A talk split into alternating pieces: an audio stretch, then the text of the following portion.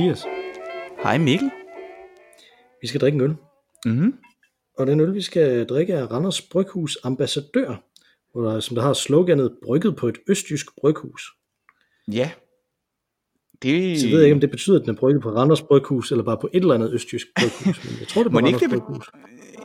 Ja, alternativ, så er det jo for at understrege, at det er Randers i Østjylland, vi taler om. Altså det kan jo være, at der ligesom Vi, Viby øh, er Viby Sjælland og Viby Jylland, at der så er en øh, Randers et andet sted, som vi ikke kender til. Nå, på den måde, ja, det kan selvfølgelig godt være. Mhm. Mm-hmm. Altså, det der, der står en masse tekst her på, som beskriver, hvordan de tapper tingene Mhm. mm-hmm. på Randers Bryghus. Så jeg går ud fra, at det er på Randers Bryghus også, at de har gjort det. Fordi hvorfor vil man altid skrive, at det giver den bedste og reneste smag? Men det er ikke der, vi har brygget det her. Joink! Snydt, Øh, ja. Det her, ambassadøren, den er bygget specielt for Bryghusets ambassadører og andre glade ølnydere. Øllet brygges som en lysere tysk altbier. Farven er lys gylden med afstemt sødme fra maltene og en let bitterhed fra tysk humle. Mm-hmm. Let bitterhed fra tysk humle, det lyder meget. Mm-hmm. Ja.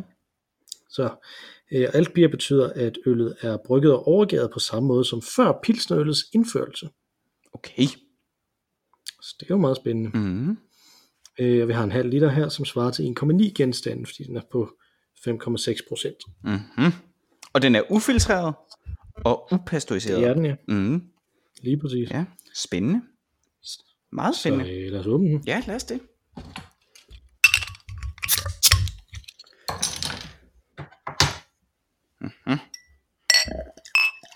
Uh ja, den ser grumset ud. Det må man sige. Allerede når man hælder den ud af, af den, kan man se det. Altså, den er meget, øh, meget øh, dunkel. Jeg er ikke dunkel, sådan grumset. Grumset, den er jo ikke dunkel. Det er igen over i øh, den mudrede morgenurin, øh, synes jeg. Ja, det er du ret i. Og øh, så lugter den lidt hengemt. Ja, det gør den. Altså, den, den ligner lidt, hvordan ens tis ser ud, hvis man drukkede rigtig meget Hogarten Grand Cru. ja, og lugter lige kan sådan, jeg afsløre. Mm, nej, ikke helt så frugtagtigt.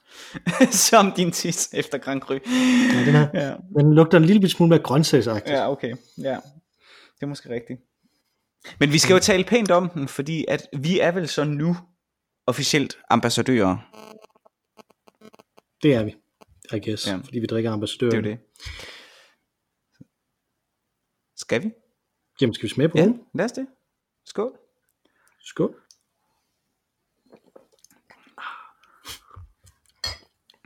Oh, ja da, Den, øh, den er da ganske den fin. smager bedre, end, øh, end den lugter, synes jeg. Den smager øh, det den. overraskende lidt.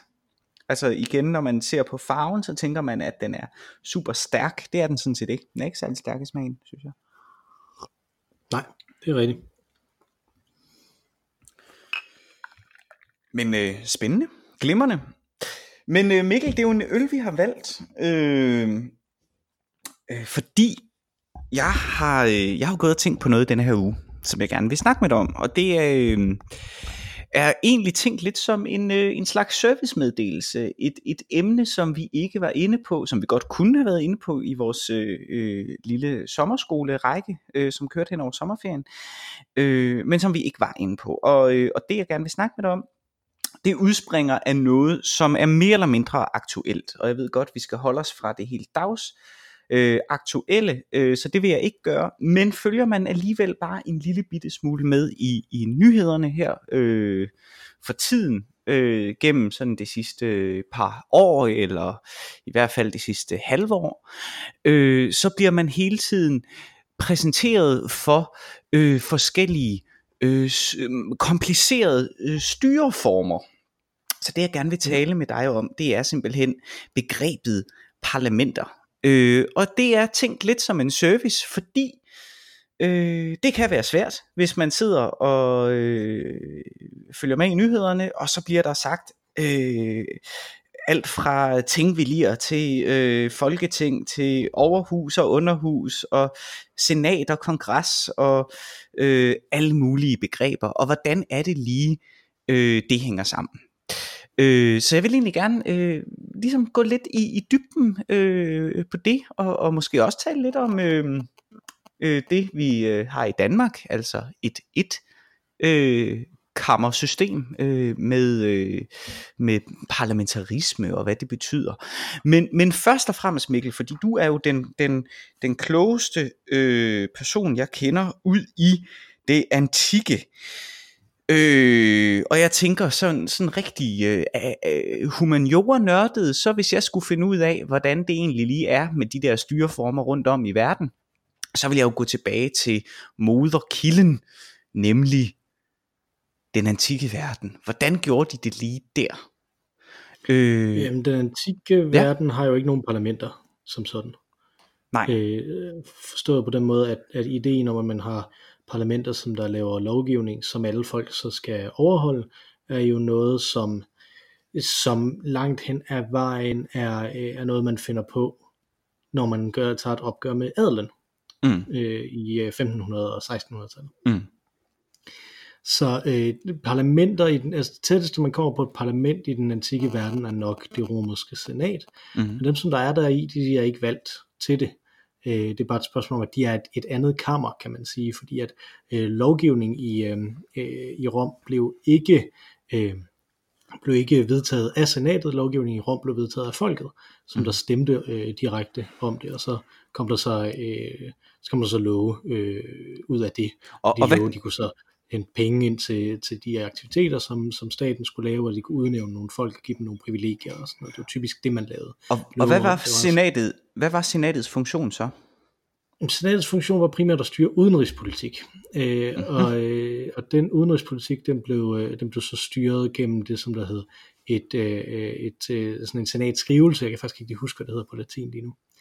Øh, men øh, de lavede simpelthen en, øh, en skrivelse ud fra senatet, som, som øh, udtrykte deres mening. Grundlæggende set var ideen med senatet, som betyder øh, gamle mænd, mm-hmm. der er samlet, det betyder senatet.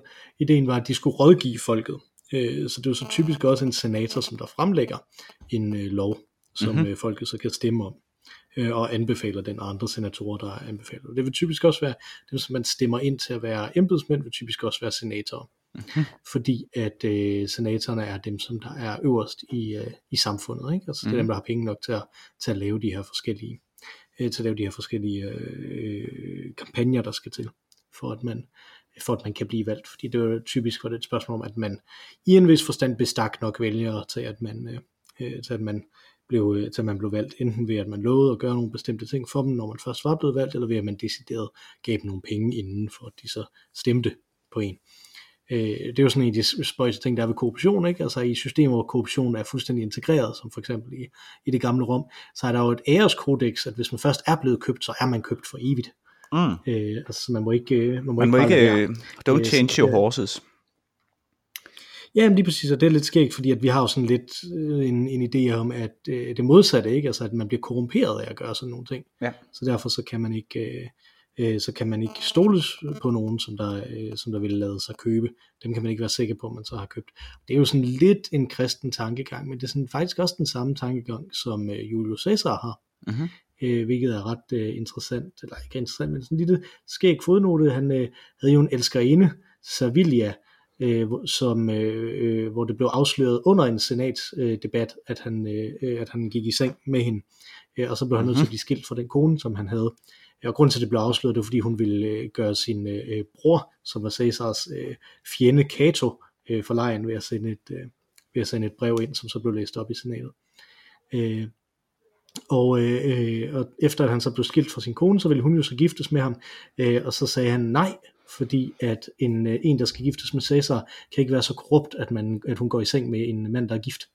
Uh. Så det er rimelig slap slap nederen øh, gjort. Det er jo øh, øh det er jo sådan en, øh, en underlig Stormy Daniels sag vendt på hovedet. Ja, ja. det kunne man godt sige. Ja. Men det er jo sådan, sådan også meget, øh, det er jo meget dobbeltmoralsk også, ikke selvfølgelig. Så, jo. Fordi at der er jo selvfølgelig ikke noget galt med, at Cæsar han øh, øh, gjorde sine hoser grønne alle mulige steder. Det var bare lidt pinligt, at det var blevet øh, læst op i senatet, for ja. alle de, alle, ja. de, alle bedste borgerne. Ikke? Ja. Og, og det bringer mig så videre, fordi det, der er jo noget med senater øh, og, og bedsteborgerskabet. Øh, jeg har jo tit tænkt på, hvorfor har man egentlig haft øh, tokammersystemer? I Danmark har vi jo også haft et, et tokammersystem på øh, indtil for, for relativt nylig jo med et, med et, øh, med et landsting og et folketing, og øh, i England har de det jo stadig med et, øh, et overhus, House of Lords, og et, og et underhus, og i, i USA har de det jo også et tokammersystem med øh, repræsentanternes hus, og så øh, senatet. Øh, Øh, og jeg har ofte spekuleret på, hvad fordelene og ulemperne ligesom øh, var. Og jeg kom, jeg har stødt på en, en ret interessant øh, øh, udlægning på et tidspunkt, øh, øh, en diskussion, øh, som jeg mener, det var Thomas Jefferson, der havde, øh, en diskussion, som øh, øh, den store øh, musicalstjerne øh, Alexander Hamilton også var med øh, indover på et tidspunkt. Øh, øh, hvor at de jo netop siger, jamen den måde vi indretter vores parlamenter på, er netop som, som du siger, det sker efter, at man ligesom bryder med det, øh, i gang med at bryde med, med øh, det for, øh, fordale samfund, øh, i den forstand i hvert fald, at, at borgerne ligesom øh, skal have mulighed for at øh, have magt. Og de borgere, de, de kommer så ind i den del af den lovgivende forsamling, som, som hedder underhuset. Men hvad med alle dem, der havde magt i forvejen, spørger Thomas Jefferson. Grunden til, at vi omvælter samfundet, er jo fordi, at der er en utilfredshed mod disse herrer. Øh, men de er jo i sagens natur, øh, som vi også altså jo øh, kender fra, fra Hegel for eksempel, de er jo i sagens natur i undertal.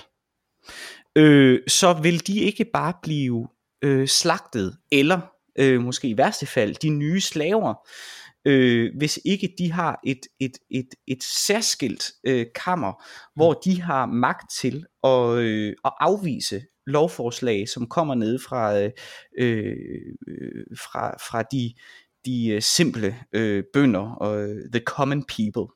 Mm. Og på en måde, det er jo en god pointe, synes jeg, Jefferson øh, har i sin, i, sin diskussion med, øh, øh, med, med de andre øh, øh, fader øh, af, af forfatningen der. Fordi man kan sige, det er eliten, den rige del af den amerikanske befolkning, som øh, som har styret landet hidtil, og lige pludselig vil de kunne risikere, der kom et lovforslag, som sagde, vi skal have alle jeres øh, goder fordelt ud på alle, og så er de ikke længere rige. Øh, så hvordan kan man ligesom sikre sig, at der ikke øh, sker et oprør øh, i landet? Og der, og der var det så, at man øh, vil indføre et, et øh, to kammersystem. Og det betyder jo også i den amerikanske øh, øh, i det amerikanske system jo, at øh, repræsentanternes hus er fordelt efter staternes øh, befolkningsstørrelse, hvorimod senatet er delt øh, ligeligt på den måde, at hver øh, stat har to, uanset hvor stor staten er. Det eneste, der øh, er undtaget der, er staten øh, Washington, øh, eller undskyld, øh, New York måske. Nej, det Washington ikke, DC er Washington DC er ikke her. Nej, Washington Øh, DC er ikke. Der er nogle andre territorier også. DC er territorier, ja. mener jeg. Ja, og det samme med. Puerto Rico er heller ikke her, så territorier er ikke. Men de enkelte stater er... Øh, Der er, jo den, øh, der er jo den joke omkring det amerikanske senat, at øh, det eksisterer to provide minority protection. No, not the minorities you're thinking of. ja, præcis, ikke?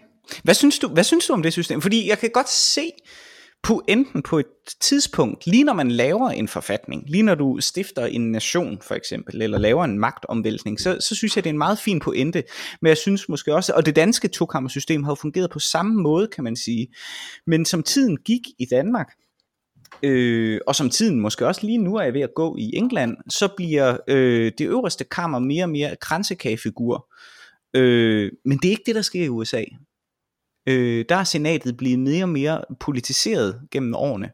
Øh, så er det, er, det, er det en god idé, eller er det i virkeligheden skadeligt for demokratiet, at der findes denne her øh, elitær minoritet, som har sindssygt meget magt? Jeg tror, det er svært at... Øh, jeg tror, det er ret svært at sige, at der er i systemet som sådan, om det er en god eller en dårlig idé. Altså man kan jo mene, om det er ideologisk en god eller en dårlig idé, at der sidder nogle øh, nogle folk, som der, øh, som der er repræsentanter. Det er også, der er ret stor forskel på, om de er i House of Lords, hvor de er udnævnt, eller har det i, i kraft af andre embeder, de, har, de, er, øh, de holder, ikke? Mm. Øh, eller om det er i øh, senatet i USA, hvor de rent faktisk er valgt til det. Ikke? Altså, Men i en seksårig periode? Ja, i en seksårig periode ja. for at få mere kontinuitet i det. Ja. Ikke? Altså, Ja. Men jeg synes, at det der er, øh, det der er den øh, problematik, som bliver udstillet netop i, øh, i øh, England og i, og i USA lige nu, det er, at grunden til, at, at hele det parlamentariske system fungerer i de to stater, har været, fordi folk har været dedikeret til det. Mm. Været, fordi at folk de gerne vil spille med i det. Og nu, lige nu der har de begge steder har statsoverhoveder, der ikke vil spille med på de her regler. Mm. Øh, og masser af politikere, der ikke vil spille med på de her regler i øvrigt. Ikke? Altså, Mm. Øh, og så dur det ikke, fordi at hele ideen med det, det er jo, at øh, man giver ret meget magt til nogle bestemte mennesker, hvor man så regner med, at de ikke udøver den, medmindre det er meget nødvendigt. Mm-hmm. Og det øh, er meget nødvendigt vil jo langt hen ad vejen sige, er det nødvendigt for at, øh, for at prøve at forsvare vores forordning, ikke? for at prøve at forsvare vores øh, konstitution, Mm. vores grundlov, eller hvad vi nu skal kalde det, Mm. øh, mens at det er blevet tolket meget som, at det er nødvendigt for at forsvare vores politiske holdning, specielt i USA. Ikke? Mm. Øh, I, øh, i øh, det britiske parlament, der er det jo mindre sjældent, at øh, House of Lords rent faktisk har en, en indflydelse på, hvad der, hvad der er, der sker. Der er sådan lidt kongehusagtigt over dem. De jo ved at blive blandet lidt ind i noget af det her Brexit, hvor de måske øh, ville have gjort et eller andet. Men det er kongehuset jo næsten også, kan man sige. Men det, det, er, det, var faktisk, det var faktisk det, der også lidt var min pointe. Altså i Danmark, der afskaffer vi det jo også ved, ved grundlovsændringen, mener det er i 56. Jeg mener, det er der, at øh, det bliver ændret. Øh, ja, og vi ikke længere, vi ikke længere har, eller 56, 53, at vi ikke længere har øh, øh, et overhus. Øh, men jeg ser det også måske som sådan en naiv øh, skandinav, at det er udtryk for, at vi har et meget, meget sundt demokrati, at denne her øverste øh, overdommer, hvis man kan kalde det det, ligesom bliver taget ud af systemet, fordi at, at, at, øh, at, at det kammer, som egentlig fremsætter lovforslag og, øh, og har de hæftige debatter om lovforslag, øh, klarer det så udmærket. Vi har ikke behov for en elite, øh, som, som at skal kunne give os øh, øh, karakterer for øh, lovforslagene. Øh, lidt ligesom det er lidt i, i, i, øh, i England nu, ikke? hvor at, mm. at de jo mest er grænsekaffegurer, netop som du siger. Ikke? Øh, og jeg ved godt, det amerikanske system er selvfølgelig indrettet anderledes, men er det, er det, er det, øh, er det nødvendigt i et sådan land, tror du? Øh, er det fordi det er et ung demokrati, eller fordi det er så særligt politiseret, og måske også fordi det er to partisystem øh, langt hen ad vejen øh, i USA, øh, at, at det er nødvendigt, at der er denne her ekstra instans? Øh, eller er det bare fordi det står i deres forfatning, at, øh, at man har de her øh, to kammer, som har hver deres øh, klare funktioner? Man kan jo sige, at de har jo netop ikke et parlament i uh, USA. De har jo ikke parlamentarisme. Øh, de har netop de her kammer, ikke? Mm. Øh, så, så de har også den funktion, at de skal kunne stå imod øh, den udøvende magt, altså præsidenten, mm. øh, og den regering, han nedsætter. Øh, og som han jo langt hen ad vejen kan nedsætte, som han vil, specielt hvis han så tilfældigvis har et flertal i senatet, fordi man skal jo høres igennem der, ikke? Øh, Men, men, øh, men altså man kan ja. sige, det, det, det er jo netop fordi, at der er den her, øh, den her checks and balances tankegang, øh, der som langt hen ad vejen er blevet importeret til hvordan vi, øh, til hvordan vi tænker det i, øh, i, øh, i Danmark også. Ikke? Og jeg tror, at det, hvis, altså, hvis du går 20, 25, 30 år tilbage, så tror jeg ikke, at, den, at det vil være lige så meget, altså tror jeg ikke folketingsmedlemmer på samme måde som nu vil tænke, at det de skal, det er at holde regeringen i ørerne og sørge for, at det fungerer. Mm. Øh, og det tror jeg måske også har noget at gøre med, at for 20, 25, 30 år siden, der opførte regeringerne sig bedre, øh, uanset mm. partifarve i øvrigt, øh, hvor vi har øh, utrolig meget, nu skal vi haste nogle lovgivninger igennem nu, ikke? Altså, mm. øh, og det er, det er noget af det, der er et problem. Men Mikkel, det er også fordi, nu siger du 20-30 år siden, jeg, jeg ved ikke, husk lige tilbage på, hvad der skete for 30 år siden, rent faktisk, nu her. Hvilken regering vi havde for 30 år siden, 2019, 1989. Nu er du tænkt på Tamil-sagen. ja, så det er måske der, der sker et skift, det ved jeg ikke. Øh, men min pointe er sådan set, øh, med det netop, at jeg synes egentlig Danmark, også kvæg sin øh, negative parlamentarisme, har rimelig god mulighed for ligesom at udfordre regeringen, hvis der er noget, man vidderligt er uenig i. Mm. Og, og en, en interessant lille øh, sidebemærkning der, og igen det er uden at blive øh, dag, øh, alt for dagsaktuelt her, men, men øh, det er jo netop senatets opgave at stå for den øh, høring og domsfældelse, øh, som ligger i forbindelse med en øh, med en øh, en rigsretssag i USA.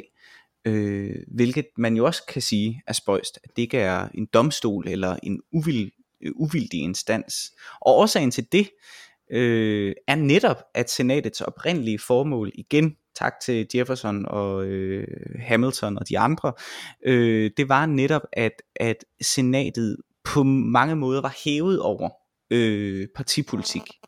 Øh, at de ligesom var tiltænkt en rolle øh, som dem, øh, der havde deres øh, øh, på det rene, sådan at de godt kunne være upartiske i et spørgsmål om øh, mistillid for eksempel, eller øh, misconduct øh, af, af, af embeder. Øh, om det så er tilfældet i dag, det øh, er et godt spørgsmål, ikke? Men, øh, men der har vi jo i Danmark øh, for eksempel øh, den, øh, vi har jo ikke nogen forfatningsdomstol i Danmark, kan man sige, øh, men vi har jo øh, vores parlamentarisme, som jo er, er negativ i den forstand, at hvis der bliver øh, fremsat et mistillidsvotum, ikke, som der så bliver stemt øh, for, øh, så er regeringen færdig.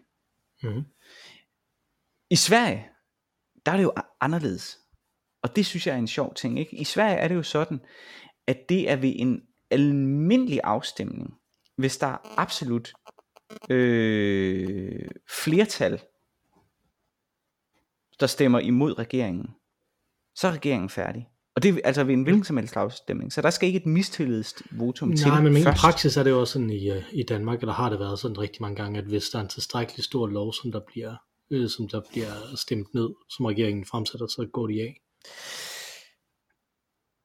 Ja, det er vel stort set kun finansloven. Nej, det, kunne det kunne jeg, man kunne sagtens forestille sig, lad os sige, øh, øh, igen uden at være dagsaktuel, uden at tage stilling til det, så men den her øh, tilbagetrækningsreform, som den her regering har, øh, har annonceret som deres helt store ting, hvis de taber en afstemning omkring det, så tror jeg, at der vil være mange, som mener, at de burde gå af, ikke? Altså fordi at den er så central i den, i, i, det, som de har, øh, i det, som de har ment. Altså, de vil være fuldstændig lammet politisk bagefter, ikke? Altså, ingen vil tro på, at de kunne få noget igennem. Mm. Og det er jo det, der er, der er pointen, ikke? Så tror jeg, de vil gå af, i stedet for at vente på et mistillidsvotum. Principielt, ikke? Det er jo spørgsmål, om de ved det nu. Ja. Jeg ja, tror, det er sådan, det det. er meningen, det skal Det er fungere, det. ikke? Altså. Ja, ja. At man ligesom lytter, lytter, lytter til vælgerne. Øh, og det var vel i virkeligheden det, der den famøse øh, øh, Erhard Jacobsen afstemning, som vi talte om for nogle øh, Ja. øh, episoder siden, refererer vel netop til det, øh, den situation, hvor det ikke var et mistillidsvotum, der blev stillet, men regeringen Ja, alligevel fordi det var så øh, centralt en ting, at øh, hvis de ikke kunne samle flertal omkring det, så kunne de ikke Ja. fungere som regering. Øh, og det er jo det der er spørgsmål, om man vil gøre nu, ikke? Altså, øh, fordi, og det igen, her tager jeg det Ja.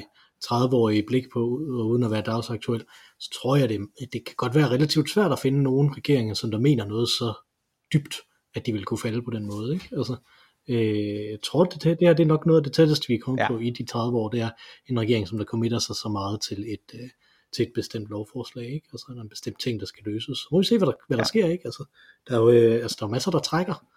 Der er jo magt og penge og alt muligt, der trækker ved at blive siddende. Det er jo det. Det er jo det. Ja. Så er der jo andre varianter. I Tyskland, der kræver det absolut flertal, før at en regering kan tiltræde. Okay, så det er positiv parlamentarisme. Det er jo positiv parlamentarisme, og det er jo sindssygt, kan man sige. Det er jo vanvittigt. De skal ligesom godkendes af, øh, af, af, af, der, altså af rigsdagen. Ja, men er det vanvittigt? Er det ikke netop tanken, at det er et spørgsmål om, at hvis vi, at negativ parlamentarisme føles mindre smukt og fantastisk, når man har haft et enkelt parti, der har overtaget magten og lavet det til en totalitær stat? Altså. Man kan måske godt forstå det. Man kan måske godt forstå det. Men, og, og det er så det, jeg vil, jeg faktisk vil, vil høre dig om, og igen, da jeg sagde før, jeg ser det, at vi ikke har et tokammersystem som en udvikling af, øh, af vores demokrati i forhold til andre øh, nationer. At det, at vi har negativ øh, parlamentarisme i Danmark, øh, at det udtryk for, at vi måske også er lidt naive. Altså vi er aldrig rigtig blevet udfordret. Der er jo en grund til, at der er, øh, hvad kan man sige, total positiv øh, øh, parlamentarisme i Tyskland. I øvrigt, Italien har også positiv øh, parlamentarisme. Spanien har også positiv parlamentarisme. Det er skægt, at det er alle de fascistiske øh, lande, der har det. Det kan måske være, præcis, det, det, det, sådan, det hænger sammen. Ja. Ja, ja. Så det, er, det, øh, er det hægtet op på vores uskyld? Er det, er det fordi, vi aldrig rigtig er blevet prøvet i, i vores demokrati? Det tror jeg, og man kan sige, den måde, som vi har prøvet på, igen, det skal helst ikke være dagsaktuelt, vel, men, men det vil være ret forkert ikke at påpege, at, at henover øh, måske ikke de sidste 30 år, men de sidste 10-20 år, der er der jo øh, dukket flere og flere sager op, som viser, at, at det ikke nødvendigvis er politikerne, som sådan, der, øh, der, øh, der, der, der gør nogle ting, som der er imod demokratiet. Det er måske snarere nogle øh, bestemte embedsgrupper, grupper af embedsmænd, som der, mm. som der gør mm. noget, som der kortslutter det her. Ikke? Altså det er øh, alt andet øh, ja. lige så en af de afgående ministre fra den tidligere regering, øh, Maja Mercado har jo været fremme og, og, og fortælle omkring, hvordan hun havde øh, politisk flertal for et, øh, for et forslag øh, omkring, øh, omkring hvordan, øh, hvordan handicappet skulle, skulle behandles bedre øh, på forskellige måder. Mm-hmm. Øh, og det var der sådan set politisk flertal, og man var jo enige om, hvor man skulle finde pengene. Men det synes Finansministeriet ikke, så så stoppede de bare behandlingen øh, derinde. Og øh, ja. halede, halede det ud i et halvandet år, indtil der kom et valg. Ikke? Som de jo godt vidste, at øh, mm. der var, efter det valg var Maja Mercado nok ikke minister mere, hvis de gjorde de der embedsfolk. Ikke? Ja. Og det, altså, ja. øh, det er jo en meget græld sag, som der ikke bliver, bliver sådan særlig meget opmærksomhed på øh, af mange årsager, og som det jo også er lidt spøjst ikke at snakke om, mens man er minister, men først bagefter. Sådan kan man jo sige det, ikke? Altså hvis man vil have mm. begge sider. Øh, og så har vi jo masser ja. af ting, noget med øh, de her, øh, det her overvågning, som, øh, som, vi jo, som staten jo laver af borgerne nu, som der, som der viser ikke at, være, ikke mm. at fungere, ikke engang at fungere så godt, som de troede det ville, samtidig med, at det er ulovligt i forhold til, til EU-retten. Øh, og vi har masser af sådan nogle sager, ikke? Hvor, hvor vi har et embedsværk, som der beslutter sig for, at der er en, øh, at, der er en, at, at man bare kan ignorere nogle lovgivningsting. Ikke? Altså, øh, mm. og det, er, mm. det tror jeg snarere er sådan en dansk, øh, øh, sådan en dansk udfordring af demokratiet vil være. Ikke? Fordi at, mm. at øh, når, øh, når alt kommer til alt, så er det den der stille og rolige behandlingsundertrykkelse. Øh, jeg tror, det er det, vi kan her i Danmark. Ja. Ikke så meget, nu har vi nogle, strø, øh, sådan nogle store øh, støvler på og marcherer i gaderne med vores, øh, med vores nazifrakker. Altså, jeg tror mere, at totalitarismen i Danmark er en sagsbehandler totalitarisme. men, men det er jo meget, fordi det, en ting jeg tit har tænkt på, det er, er det et problem, at vi ikke har en forfatningsdomstol, for eksempel, øh, i Danmark, som klart ligesom kunne øh, afgrænse det. Omvendt har vi jo, det er jo nærmest en dansk opfindelse, en, en ombudsmand, øh, mm. hvor at hvis du kan se, at der er problemer i embedsværket, øh, så er der en helt uvildig øh, instans, øh, som kan, kan gå ind og, og undersøge øh, og lave en undersøgelse, som, som ligger til, øh, kan blive grundlag for, for, for retsforfølgelse, som det var jo tilfældet med, øh, med Tamil-sagen, øh, for eksempel. Mm-hmm. Øh, så, så jeg ved det ikke rigtigt. Jeg kender mange, som, som siger, at det er et problem. Øh, og jeg tror også, vi selv har haft diskussionen ja. øh, øh, på nogle, nogle mørke aftener, hvor vi har været øh, uenige med nogle politikere øh, gennem de seneste øh, 10-15 år. Ikke? Men, men, men er det det? Altså er det rent faktisk et problem, at der ikke er muligheden for en, en retslig instans, som er hævet over det politiske øh, niveau? Jeg synes, jo, jeg synes, det er et problem, fordi vi har en anden retsinstans, som er hævet over det politiske niveau, nemlig EU-domstolen, som, øh, Ja. som jo dømmer i forhold til nogle af de uh, traktater, som vi har skrevet under på der. Ikke? Altså, så vi, Mhm. har ikke rigtig, vi har ikke et sted, vi kan finde ud af, om vi overholder grundloven, men vi har steder, hvor vi kan finde ud af øh, nogle af de dokumenter, som der sikrer rigtig mange andre, ret, andre rettigheder, som vi, som vi tager for givet i Danmark. Ikke? Altså, Mm. Øh, så, fordi at grundloven sikrer ikke super mange rettigheder i virkeligheden. Øh, og den er ikke super effektiv til at sikre en del af de øh, rettigheder, øh, Mm. som der er der. ikke. Altså det, det, den, bliver, den bliver også relativt ofte øh, overtrådt, øh, faktisk dagligt, vil jeg øh, våge påstå, i hvert fald årligt, alt afhængig af, hvordan man tænker skattebetaling. Ikke? Altså, øh, der står i grundloven, at man ikke skal betale til en, øh, til en anden religion end ens egen, men alle betaler skat ind, ikke nødvendigvis kirkeskat, men betaler skat ind, som der går til at finansiere præste- og biskoplønninger, ikke? Altså For i folkekirken. ja. Så den bliver, den, det bliver overtrådt hele tiden, og folk er fuldstændig ligeglade. Øh, og Mm. mm. der er ikke nogen steder, man kan rejse det, den problematik. Men hvis dine menneskerettigheder bliver overtrådt, så kan du rent faktisk rejse den i en domstol. Og jeg tror, det er der, der er en, øh, en hvad skal vi sige, altså man kan godt sige, det er problematisk, at der ikke er nogen retsinstans, der kan forsvare øh, os, øh, de ting, vi har i grundloven, men det andet, det, men netop det, at der er noget, som vi, altså der er et sted, som der kan, øh, som der kan forsvare nogle rettigheder, vi har, som vi også har skrevet under på, det giver da et suverænitetsproblematik, ikke? Altså, så. Ja, præcis. Det er jo interessant, hvad det er så. Øh, men men er, det, er det fordi, hvis du skal have noget testet ved, nu må du, det ved du sikkert mere om end, end mig, hvis man skal have noget testet ved højesteret, så skal man være direkte involveret. Er det det, der er problemet? Øh, for eksempel i forhold til, det her er virkelig ikke dagsaktuelt, så jeg kan godt sige det. Øh, administrativ udvisning øh, af øh, flygtningen, som sker en gang for, for 10 års tid siden. Ikke? Mhm. Øh, det er en, øh, en overtrædelse af grundloven i den forstand, at man øh, skal for at kunne få en dom, så skal man stilles for en dommer. øh, her er der tale om en, en domsafsigelse, som sender, øh, som sendte nogle øh, terrormistænkte, tror jeg det var, øh, ud af landet administrativt. Mm-hmm. Er det ikke en overtrædelse af menneskerettigheden? Vil Jo, det, Deres sag ikke kunne have været øh, testet ved en EU-domstol? Og skete det nogensinde? Jamen det kommer an på, hvad for en, øh, hvad for en menneskerettighed de vil øh, gøre det ind under. Ikke? Altså typisk, når man, når man udviser enkelte personer, så vil det jo være, øh, så man prøve det i, i øh, ret, retten til familie. Ikke? Altså, så Ja. ja. øh, det er i hvert fald mit indtryk, at det er det, der er mest, øh, der er mest bid i. Øh, og der har, øh, der har EU-domstolen jo gentagende gange øh, forsvaret den rettighed for folk, som, Mm. som netop Danmark også gerne vil udvise, øh, som, øh, Mm. som de vil. Ikke? Øh, Jeg tror, pro- problematikken ligger i, at hvis EU-domstolen kommer med en afgørelse, så, må, så det princippet er jo, at så skal landene jo lave deres lovgivning om. Fordi så er loven mm. ikke i overensstemmelse med EU, og så kan de ikke være medlemmer af EU. Men hvis Mm. højesteret kommer med en øh, afgørelse, så kan de bare lave en ny lov. Altså. Mm. de behøver ikke at, altså de, der er ikke nogen grund til, at de skal lave, øh, der er ikke nogen grund til, at de skal rette sig efter det, fordi at højesteret kan ikke sige, det her, det må I ikke under grundloven. Og det bringer mig jo videre til mit øh, andet øh, eksempel, som også ligger cirka 15 år tilbage, den famøse Føtex-sag Mm. øh, i Horsens, øh, som jo handler om, at, at der skulle bygges en Føtex øh, i Horsens, øh, som der ikke var tilladelse til.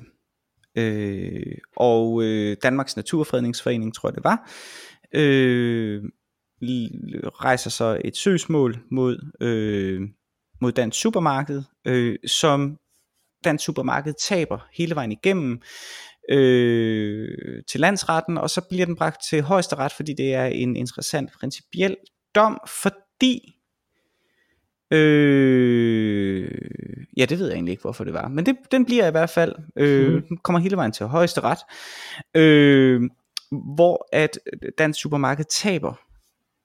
Og så sker der det interessante, at øh, der bliver lavet en ny lov, som så gør, at det her byggegrund alligevel opfylder de øh, mål, som så er i den nye lov. Så højesteret afsiger en dom, som så bliver omstødt, så at sige, af øh, Folketinget. Der er jo stadig et flertal, det er jo ikke bare regeringen, der kan lave en lov, så det er jo ligesom et flertal i Folketinget, som så beslutter sig for at lave en lov om, efter en øh, aktuel konkret sag. Og det synes jeg, det er jo for mig i hvert fald borderline i forhold til øh, magtens tredeling. Altså kan man bare lave en ny lov, hvis højesteret siger, det her det må man ikke, så laver man bare lovgivningen om. Ja, det kan man i Danmark. Hvor, hvor er, ja, men hvor er magttredelingen så henne? Ja, magttredelingen i Danmark har det jo ikke lige så godt, som vi synes, den har det. Altså, der er jo også noget fundamentalt set underligt i, at folk, som der er med i den udøvende magt som ministre, de stadig sidder i Folketinget og er med i den lovgivende magt. Ja. Altså, der er noget underligt i det, hvis, hvis ideen er, at Folketinget skal, skal, undersøge, øh, skal undersøge den udøvende magt og holde den til ansvar. Ikke? Altså, det, Mm. giver ikke, det giver faktisk ikke rigtig nogen mening. Fordi at så får de, og typisk fordi også, når vi nu har den her øh, parlamentarisme, så vil det jo typisk være nogle relativt store partier, der sidder i regeringen, Mm. ikke? Altså, så, Mm. de, øh, så de har ret meget at, øh, at skulle have sagt som de her enkelte personer, der sidder i dem også. Øh, fordi det er jo altid lederne af de store partier, der så kommer ind og, og kommer i regeringen. Mm. Øh, jamen jeg synes, Ja. ja. det er dybt, jeg synes, det er dybt uholdbart. Altså det er, det er et ret stort problem. Det var i øvrigt også, øh, det der, det der krøllen på halen er jo, at øh, den ansvarlige minister, Connie Hedegaard, nåede at være ude og sige, at, øh, at de selvfølgelig ville følge højesteret, inden øh, statsministeren Anders Fogh over, overrulede hende, og, Mm. mm. øh, og sagde, at det ville de da ikke. De ville lave Mm. mm. loven om. Jeg tror, det var Mm. omtrent der, hun besluttede for, at hun nok skulle være kommissær i EU, i stedet for minister. øh, ja. hvilket Ja. ja. var meget mere fornuftigt. Øh, Ja. og det, øh, at, at det, det er et glimrende eksempel på det, synes jeg, altså et glimrende eksempel på nogle af de problemer, der er i vores, øh, i vores forfatning. Men igen, øh, Danmark, øh, ligesom øh, England, ligesom USA, reglerne øh, er der jo ofte sat op på en måde, sådan så de går ud fra, at man overholder dem. Mm. Altså, og det er jo det, der er, altså det er, jo det, der er, problematikken her, ikke? Mm. Altså, at, at det er jo sådan set det samme, nu nævnte du ombudsmanden før, ikke? Altså, den er der jo masser mm. Af politikere, der bare har ignoreret. Ja.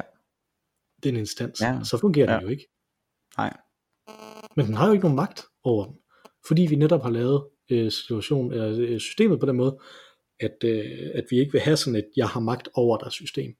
Ja. Ja. Og der kan man sige, at principielt burde det amerikanske system virke bedre. Det gør det så bare ikke, fordi at øh, der er de her, det her topartisystem, og de er så øh, polariseret og så lojale, øh, sådan, som, sådan som de er, ikke? Altså over for deres parti. Præcis. Og slutligt, der vil jeg sige, forestil dig det amerikanske system, hvor det samme parti havde flertal i både repræsentanternes hus og senatet. Det har der jo lige været. Det har der er lige været, ja. Det har der jo lige øh, været. Det har der lige været. de Det er jo først lige nu, at det, ja. Altså, det, og der, kan, der, er jo, altså, der er jo frit spil. Det er jo rent slaraffel.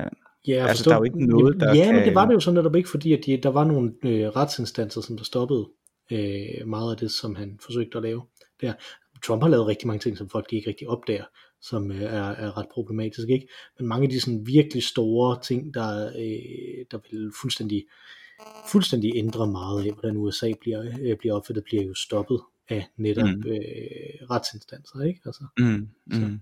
Øh, så der er, altså systemet fungerer til dels stadigvæk. Det er, øh, det er deprimerende, hvor lang tid det har taget at, at konfrontere ham direkte. Ikke? Altså, men, ja, altså, altså, uanset hvad man mener om hans, om hans politik og den slags, så er det jo meget åbenlyst, at, at, at manden overhovedet ikke er, er kvalificeret til at være præsident. Altså, øh, og, ikke, og ikke kan finde Det- ud af at, være det. Altså det, hvis man ikke Det- kan indrømme det, så, man, øh, så, så forstår man ikke noget som helst om USA. Jo. Altså, så jeg vil Det, være enig med ham politisk. øh, men- Ja, det tør jeg øh, godt dig op i. Og, og øh, øh, så, uden man- altså, man kunne godt- det kan dagsaktuelle eller politiske her. Nej, men det kan jo godt være, det kan, jeg ved ikke, om det, altså, det kan jo godt være et antageligt synspunkt at sige, nej, det er rigtigt, men det er fordi, der skal gøres op med den måde, det er på, fordi den måde, den måde det er det på, har øh, fuldstændig fastfrosset systemet. Mm. Det kunne man Mm. mm. rimelig legitimt pege på hans øh, forgænger, som vi jo ellers er så vilde med i Europa, ikke? Obama, som et Mm. mm. godt eksempel på, at øh, det var jo relativt begrænset, hvad Obama, der som præsident havde et kæmpe folkeligt mandat begge gange han blev valgt, øh, det er Ja. ret begrænset, hvad han kunne komme igennem med, fordi systemet var sådan, som det var, ikke? Altså, måske skal det smadres, ikke? Altså, det, det er jo sådan en Men ja, fordi undskyld, fordi peger det så igen ikke også på en fejl i systemet? Fordi Obama var jo, han var jo lige præcis i den situation, hvor at du har et overhus, som kan øh, bare sige, nej, det gider vi ikke. Og han fik ikke noget indført. Så er det, er det ikke et problem, Jo, det er et kæmpe problem, men man kan, altså en ting er at sige, at han ikke fik noget indført, men han fik jo faktisk en stor ting indført, som er ekstremt vigtig, og det er uh, healthcare. Det må man sige. Og, og de øh, diskuterer den jo stadig. Øh, Ja, men, I øvrigt en af de andre spektakulære nederlag for Donald Trump. Ja, men og det var nemlig det crucial. På trods af, at han havde, på trods af, at han havde magt, på trods af, at han havde magten i begge kamre på det tidspunkt, fik han den ikke rullet tilbage. Øh... Jamen, som han, som han selv sagde, who knew that healthcare was so complex? Altså, der var ingen, der kunne, der kunne have gættet, vel? Altså, nej, nej. Nå, men, men, men grundlæggende set, så, så, så er det jo netop det er jo fuldstændig centralt det her med, at det ikke er lykkedes at, at rulle den reform tilbage. Det lykkedes mm. at underminere den på rigtig mange måder, men det er ikke lykkedes mm. at rulle den tilbage endnu. Altså, øh, og det, det siger noget om, at systemet kan, kan også bevare øh, progressiv, set ud fra sådan et generelt dansk synspunkt, at det er en progressiv ting, at få flere folk, der kan komme på hospitalet uden at blive ruineret, eller ikke have råd til at gøre det. Øh, mm. Så det vil jeg ikke mene er politisk. Altså, at, at generelt kan det også beskytte nogle progressive landvindinger. Spørgsmålet er bare, hvordan man får de landvindinger, ikke? Mm. Mikkel, øh, jeg tror, øh, jeg tror, vi kom lidt rundt omkring øh, de forskellige problematikker. Jeg synes, vi skal hoppe til en øh, top 3 plus minus. Ja. Øh, om, om emnet jo, og det har været svært, tror jeg. Det har det været Der er ikke for mig. super mange sange, der handler direkte om parlamentarisme. Nej, det er der nemlig ikke. Så jeg er spændt for at høre, hvad du har, øh, hvad du, hvad du har kommet, hvad du er kommet op med. Mm. Det er jo dig, der starter, går vi fra. Nej, Eller det, er det mig? Nej, det er dig. Ej, det, er, det, er, det, er dig, der Det er dit emne, så det er dig, der har serveretten. Så det er mig, der har serveretten. Fedt, mm. det er sådan, det fungerer. Det er sådan, det fungerer. Jamen øh, fedt, Jamen, det er jeg glad for. Øh, fordi den, øh, den første på min, øh, på min liste, øh, den øh, berører faktisk øh, øh, et emne, som, som vi lige var inde på her øh, slutligt, øh, nemlig det der med, at øh, du har en forfatning, og der er nogle ting i den forfatning, i en grundlov, der, der skal overholdes, og hvad gør man så, hvis øh, man vil ikke udskrive, øh, man skal ikke have en grundlovs øh, afstemning, inden ændring, øh, øh, hvad gør man så? I Danmark der er det jo sådan, der skal du have en, en, en en grundlovsændring, og det er jo pisse kompliceret. Det er jo sådan mhm. noget med to på hinanden følgende folketing og folkeafstemning og to tredjedele. Det er vist første, første afstemning i Folketinget skal være to tredjedele efter, folke, efter folkeafstemning. Ikke? Så er det to tredjedele, og så derefter så er det almindelig øh, mener jeg ikke, men det er i hvert fald to på hinanden følgende folketing, kan godkende en, en, en grundlovsændring. Så det er vanvittigt kompliceret. I USA, der har man det her øh, øh, ændringstillæg, øh, som hedder amendments, øh, som man kan skrive til. Og, øh, og den første sang på min liste, øh, den hedder Amendment to Be. Jeg ved ikke, om du okay. kender, kender du den? Nej, det gør jeg ikke. Det er en uh, sang fra en Simpsons parodi. Øh, den kommer fra øh, øh, et, et afsnit af The Simpsons, øh, Nå jo, så kender jeg godt, jeg fra, kender godt øh, tegningen af den. Ja, ja, ja, ja. Øh, den kommer fra et afsnit af The Simpsons, fra syvende sæson af The Simpsons. Afsnittet hedder The Day the, uh, the Violence Died, øh, hvor at Itchy og Scratchy, der er de her øh, øh, Tom og Jerry i ekstremerne, de er meget mere voldelige end Itchy og Scratch, eller end, end Tom og Jerry, øh, de er simpelthen blevet forbudt øh, på tv, og derfor så øh, øh, sender, der er det eneste tegnefilm, der er til børn, det er så øh, sådan gode øh, educational øh, øh, tegnefilm, øh, som åbenbart fandtes tilbage i 70'erne. Det er en paudi øh, på en øh, specifik sang, øh, fra sådan en sådan øh, undervisningstegnefilm øh, fra 70'erne, der hed Schoolhouse Rock. Og sangen, ja. den oprindelige sang hed I'm Just a Bill, som handler om, hvordan en hvordan et lovforslag øh, øh, skal øh, igennem øh, øh, kongressen øh, for at ende som øh, lov. Hey, who left all this garbage on the steps of Congress? I'm not garbage. I'm an amendment to be, yes, an amendment to be. And I'm hoping that they'll ratify me. There's a lot of flag burners who... Øh, og det er så den, de laver en parodi på i The Simpsons, øh, med den her helt fantastiske øh, sang, som i øvrigt bliver sunget af øh, jazz, øh, øh, trompetisten øh, øh, Jack, øh, Jack Shelton, øh, Sheldon. Ja. Og den hedder øh, Amendment to Be. Glimrende. Ja. Ja. Jeg, kan jo, jeg kan jo supplere med, at, at jeg hørte forleden i Altingets øh, udmærkede podcast, øh, at gennem, øh, altså sådan, den gennemsnitlige tid, det tager for et lovforslag at, at gå fra, et, jeg mener det var i Alting, det kan også være, det var i, i, i P1, øh, øh, tror jeg det hedder. Mm. At Den gennemsnitlige tid, det tager for et lovforslag at gå fra, at der er en, der får ideen, til det bliver vedtaget, det er syv år i Danmark. Hold da op. Øh, så det er ikke alt, ikke alt, der er hastet igennem, vel? men der er nogle ret øh, væsentlige ting, der bliver hastet Ja, igennem, og det er jo det, op. vores kritik tidligere går på. Hold da op. Øh, og apropos kritik, min nummer et, øh, man kan ikke komme udenom det, John Mogensen med Hvad tænker de på? øh, som jo er en af, en af den række af protestsange, som John Mogensen lavede tilbage i 70'erne, som jo gik ind på, på dansk, og man havde en fejde med Erhard Jacobsen, som vi jo har nævnt ja. øh, tidligere, hvor de, hvor de lavede sådan nogle, ligesom rappere gør, sådan nogle diss-sange til hinanden. Det var det, ja, ja. Øh, hvor, øh, hvor først så lavede, øh, så lavede Erhard Jacobsen jo den om øh, øh, Dybel Mølle maler helt af helvede til, øh, hvor øh, Erhard Ah, Jacobsen John Mogensen. sang, John Mogensen. Ja, John det. Mogensen, ja, lige præcis. Ja, ja, ja. ja, og så lavede Erhard Jacobsen så en sang om, at det faktisk den malede rigtig godt, Dybel Mølle, og så lavede John Mogensen så en sang på Simon og Garfunkel sangen Celia, som hed Erhard, som er virkelig morsom også. Øh, øh, Erhard, hvor mægtige bror, du kom for at blive på toppen, sådan dybt sarkastisk, det er virkelig, øh, virkelig smukt. Og jeg synes det er, det er meget af det, som der også er i, øh, i den her sang, hvad tænker de på, hvor jeg godt vil citere øh, øh, åbningen af den, øh, som er, hvad tænker de på inde på Christiansborg, når de tænker? De tror, hvis de passer en kæmpe flok får, lagt i dænker. Det vrimler med flosker, man hørte i går. Hvad med et sprog, hele folket forstår? Der er jo andre trods alt, som har lært alfabetet.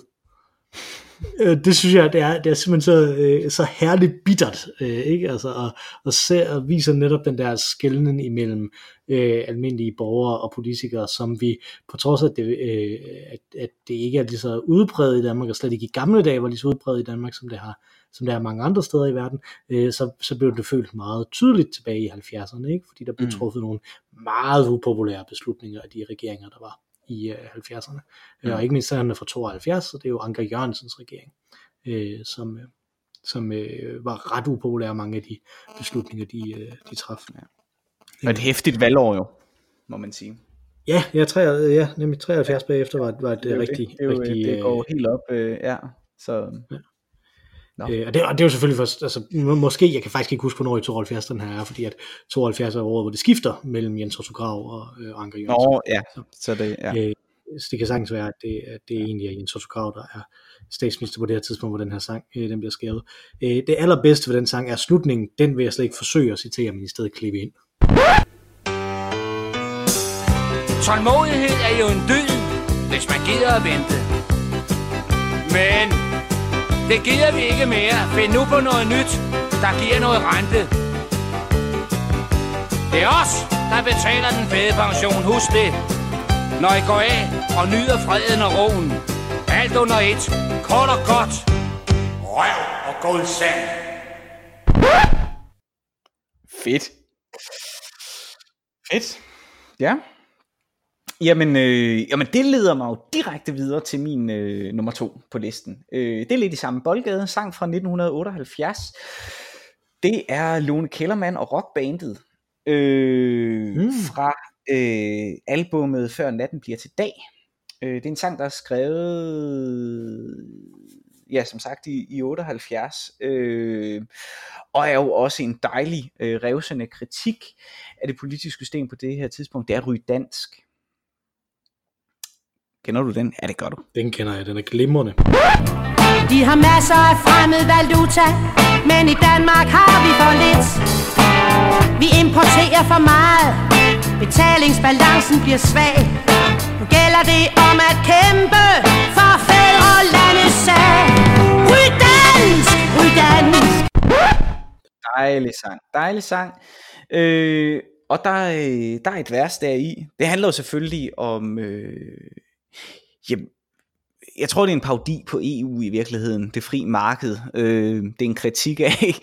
øh, det er i hvert fald måske det, det starter med, og derudover så er det egentlig bare, at øh, husk lige at ryge noget, øh, noget hash, og LO får en tjal, og så videre, og der er den her meget, meget øh, smukke øh, lille... Øh, det lille rim herfra, som jeg også vil citere, som nok også er en kritik af et lidt øh, fjernt Christiansborg, øh, øh, et, et Christiansborg, der måske er lidt langt væk fra borgerne der i, i 78. Hun synger i Christiansborg gemakker, Christians, i Christiansborgs gemakker, i de døde øjnes by, der ser vi dem bag skærmen på ny, på ny, på ny. Og så synger hun ellers bare, at vi skal ryge noget tjal. Ja, den er jo den er, Det er dejligt. en glimrende sang. Øh, må man I sige. Der- øvrigt en, en, en dansk sanger, sangerinde, som godt kunne have været på vores øh, oprindelige øh, liste. Det kunne hun sagtens have været. Hun var en stor Hun synger sangerinde. fantastisk. Ja.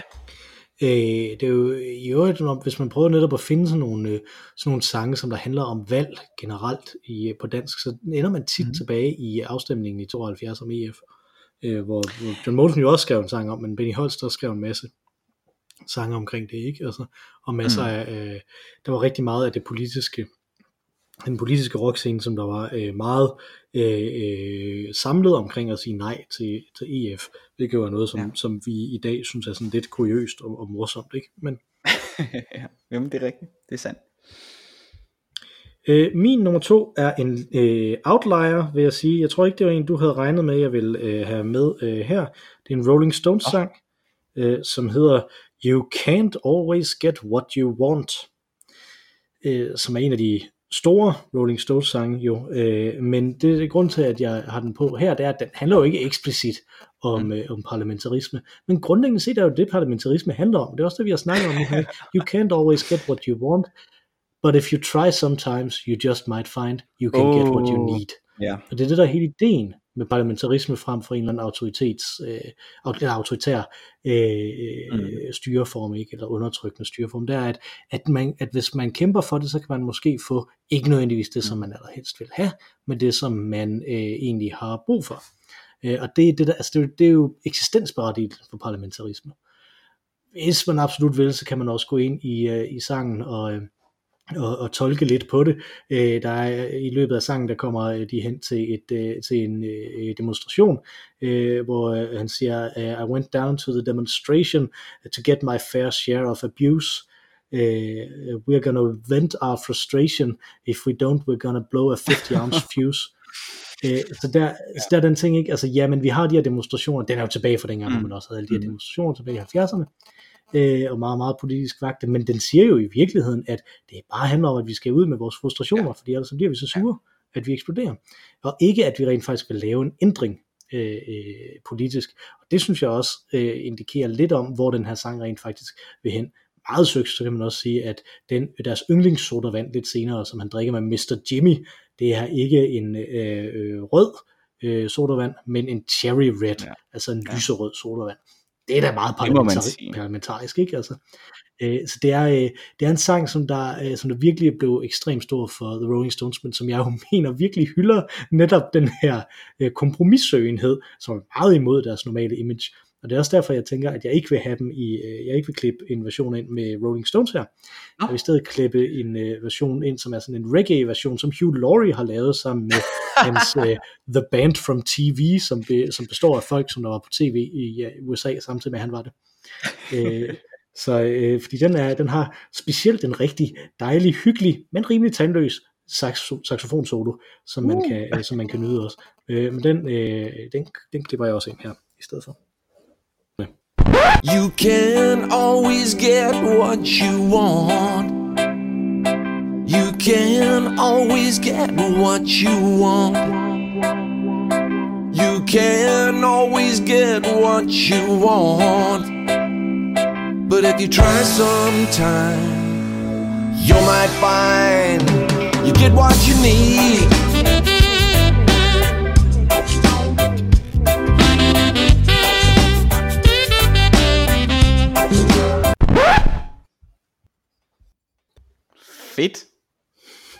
Fedt. Jamen, øh, okay, men øh, ja, det er en helt anden boldgade. Jeg er over i vreden nu her. Øh, Okay. Den eneste, den eneste øh, lighed er måske, at det, det også er en helt særlig version af en sang, jeg ligesom øh, leder efter. Det er en sang fra 1900, eller ved jeg faktisk ikke, hvornår den er fra, men øh, det er i hvert fald en indspilning øh, fra 1973. Det er øh, vidunderligt pragtfulde øh, Marlena Shaw øh, sang øh, Woman of the Ghetto øh, fra albummet øh, Live at øh, Montreux. Øh, Den har du vist mig. Du har allerede introduceret den til mig en gang i fuldskab. Den er en dejlig sang, en dejlig sang. fantastisk øh, sangerinde, som helt klart også burde være på min liste over øh, mine yndlingssangerinder. Hun er helt fantastisk. Men hele denne her sang er jo et øh, er den sorte kvinde øh, enlig, enlig mor her vrede råb øh, til øh, lovgiverne. Hun, hun anklager dem hele tiden. Øh, hvad skal jeg gøre, øh, legislator? Le- legislator? Hvad hedder det? Legislator Leg- hedder det. Le- legislator hedder det, ja, selvfølgelig. Lov. Øh, giver. Lov. Øh, dig, der laver lovene.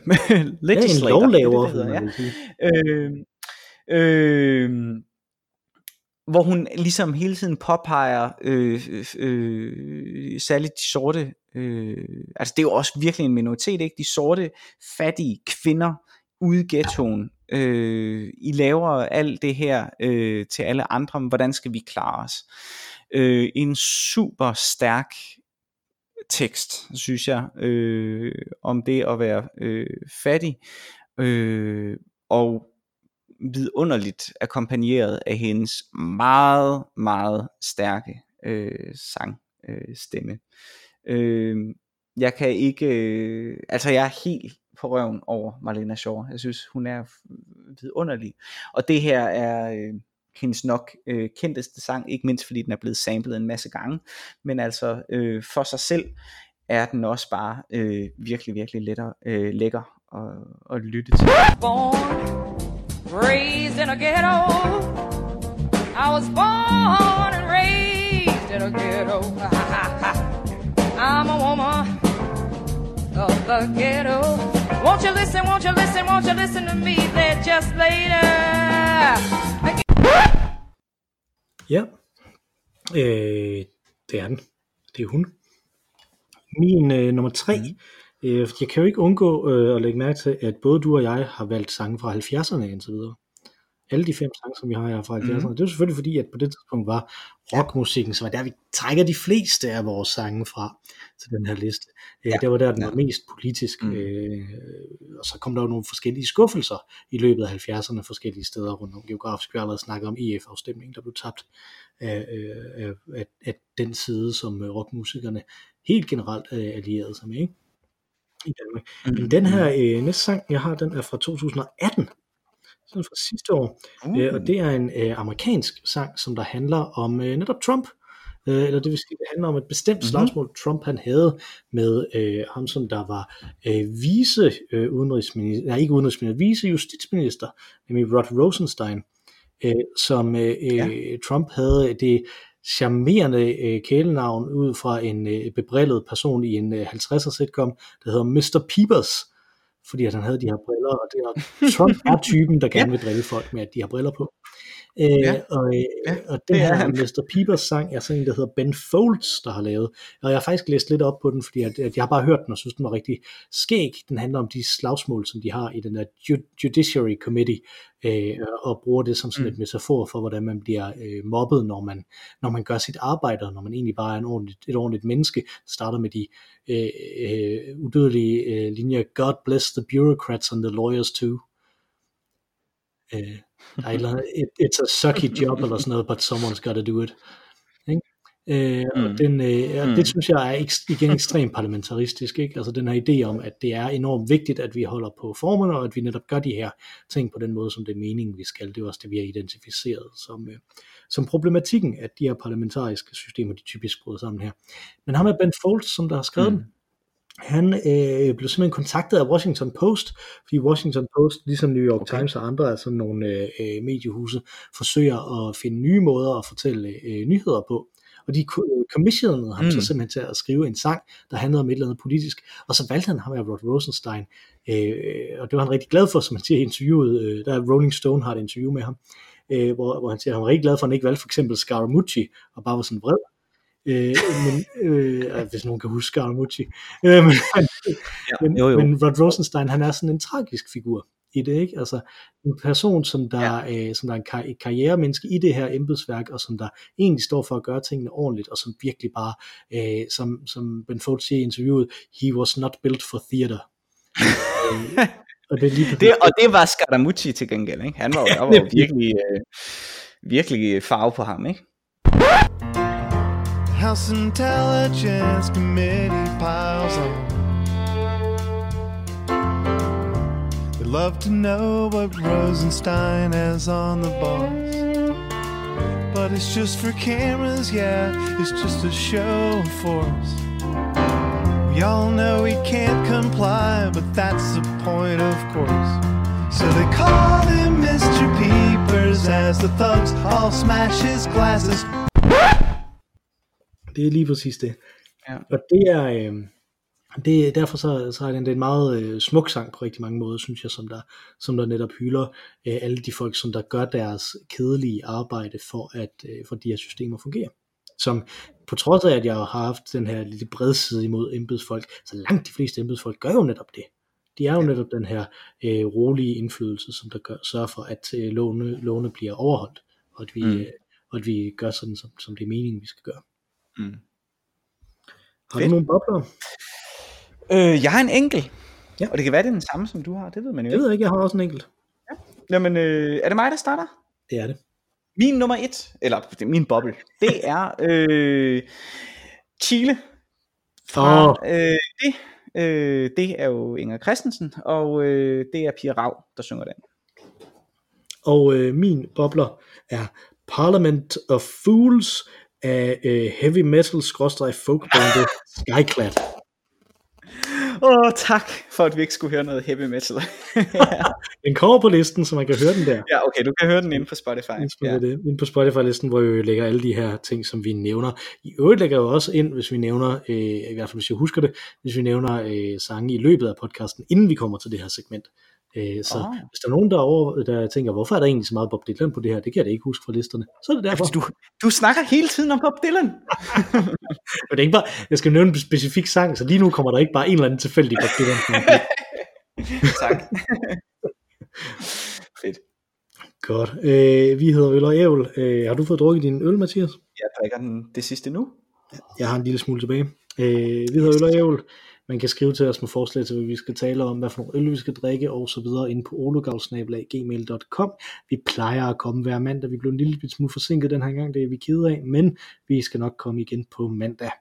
Øh, og øh, man kan også tweete til os på snabelag ologavl. Øh, kritik, ros, ris, hvis man nu har nogle sange, der ikke er fra 70'erne, som man synes øh, kunne være værd at nævne i, øh, i forhold til det øh, politiske, til parlamentarisme. Specifikt det er jo det. Der er masser af politiske sange. Det er svært at finde nogen, der decideret handler om parlamentarisme. Ja. Øh, så Øh, og øh, det, kan man, det kan man altså tweete til os, eller skrive til os på ologavl.gmail.com. Og så vil vi i øvrigt overlade ordet til det bedste medlem af vores podcast, nemlig Mar Rainey med vores fantastiske temasang. Tak for den gang, Mathias. Tak for denne gang, Mikkel.